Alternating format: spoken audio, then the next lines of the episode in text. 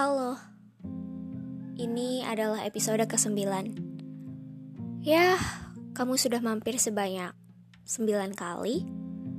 Kamu sudah mendengar suaraku 9 kali semenjak hari itu.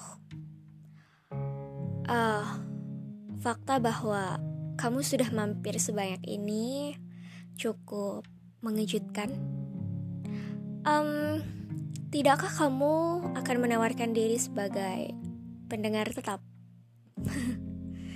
ya, maaf ya. Kadang ekspektasiku terlalu berlebihan untuk seseorang yang baru sampai pada episode 9. Ah, uh, sebenarnya aku bukan lagi pengangguran seperti episode-episode kemarin. Belakangan ini ada banyak sekali hal yang aku kerjain. Tapi ya, seperti yang kamu tahu, pada akhirnya aku tetap memutuskan untuk lari ke episode ini. Karena sebenarnya aku nggak tahu aku harus pergi ke rumah siapa lagi. Aku nggak tahu bisa menemukan tempat istirahat di mana lagi. Semuanya seperti hilang atau memang aku baru sadar bahwa aku tidak pernah memiliki rumah dan tempat istirahat seperti itu. ya, entahlah. Ada banyak sekali kemungkinan yang kadang aku juga enggan dengar. Tapi, kamu pernah gak sih rasanya suatu hari kamu lagi lelah banget, capek banget, hari kamu saat itu berat sekali.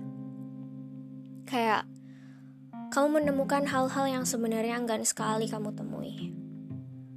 Pada akhirnya kamu dihadapkan pada hal-hal yang bahkan kamu gak punya persiapan untuk berdiri di depan hal itu. Semuanya seperti kejutan, tapi bedanya kejutan itu kamu gak suka. Kamu gak suka dengan kejutan yang seperti itu. Dan hal yang paling memilukan adalah kamu ingin lari, tapi nggak tahu mau lari ke mana. Ya, seenggaknya sampai kamu punya kekuatan buat menghadapi hal yang mengejutkan itu. Tapi kamu nggak tahu harus sembunyi di mana. Semua seperti padang pasir yang luas, gersang, tanpa penunjuk arah. Uh, gak cukup ketika semesta ternyata tidak memberimu sebuah rumah di padang pasir itu. Tapi kamu yang di samping sedang berusaha untuk menemukan arah untuk lari, kamu juga berusaha untuk tidak menangis.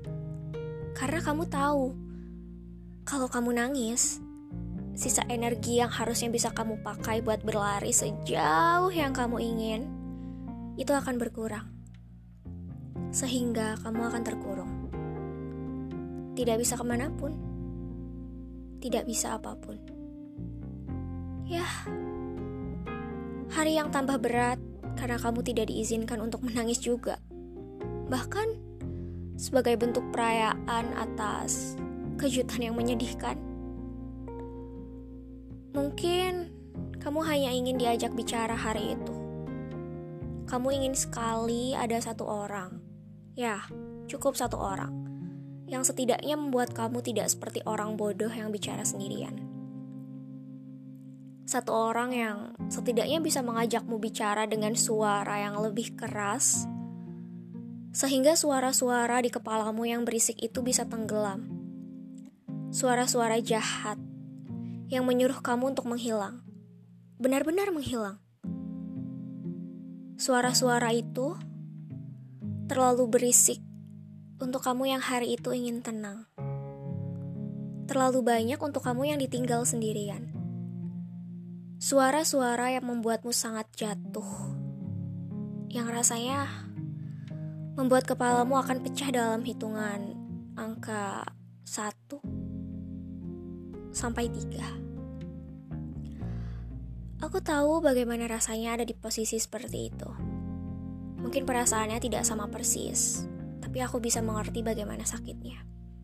Meskipun pengertiannya kadang tidak tepat. Tapi aku tahu seperti apa gilanya menjadi kamu di hari itu. Dan itulah alasannya kenapa aku lari ke episode 9 ini. Karena suara-suara itu terlalu berisik, terlalu mengganggu. Setidaknya di episode ini, aku punya teman bicara. Meskipun kalian tidak bisa memberi jawaban yang dapat aku dengar. Tapi setidaknya, kalian bisa menyentuh orang-orang di hari itu yang ditinggal di hamparan gersang yang luas dan ingin diajak bicara.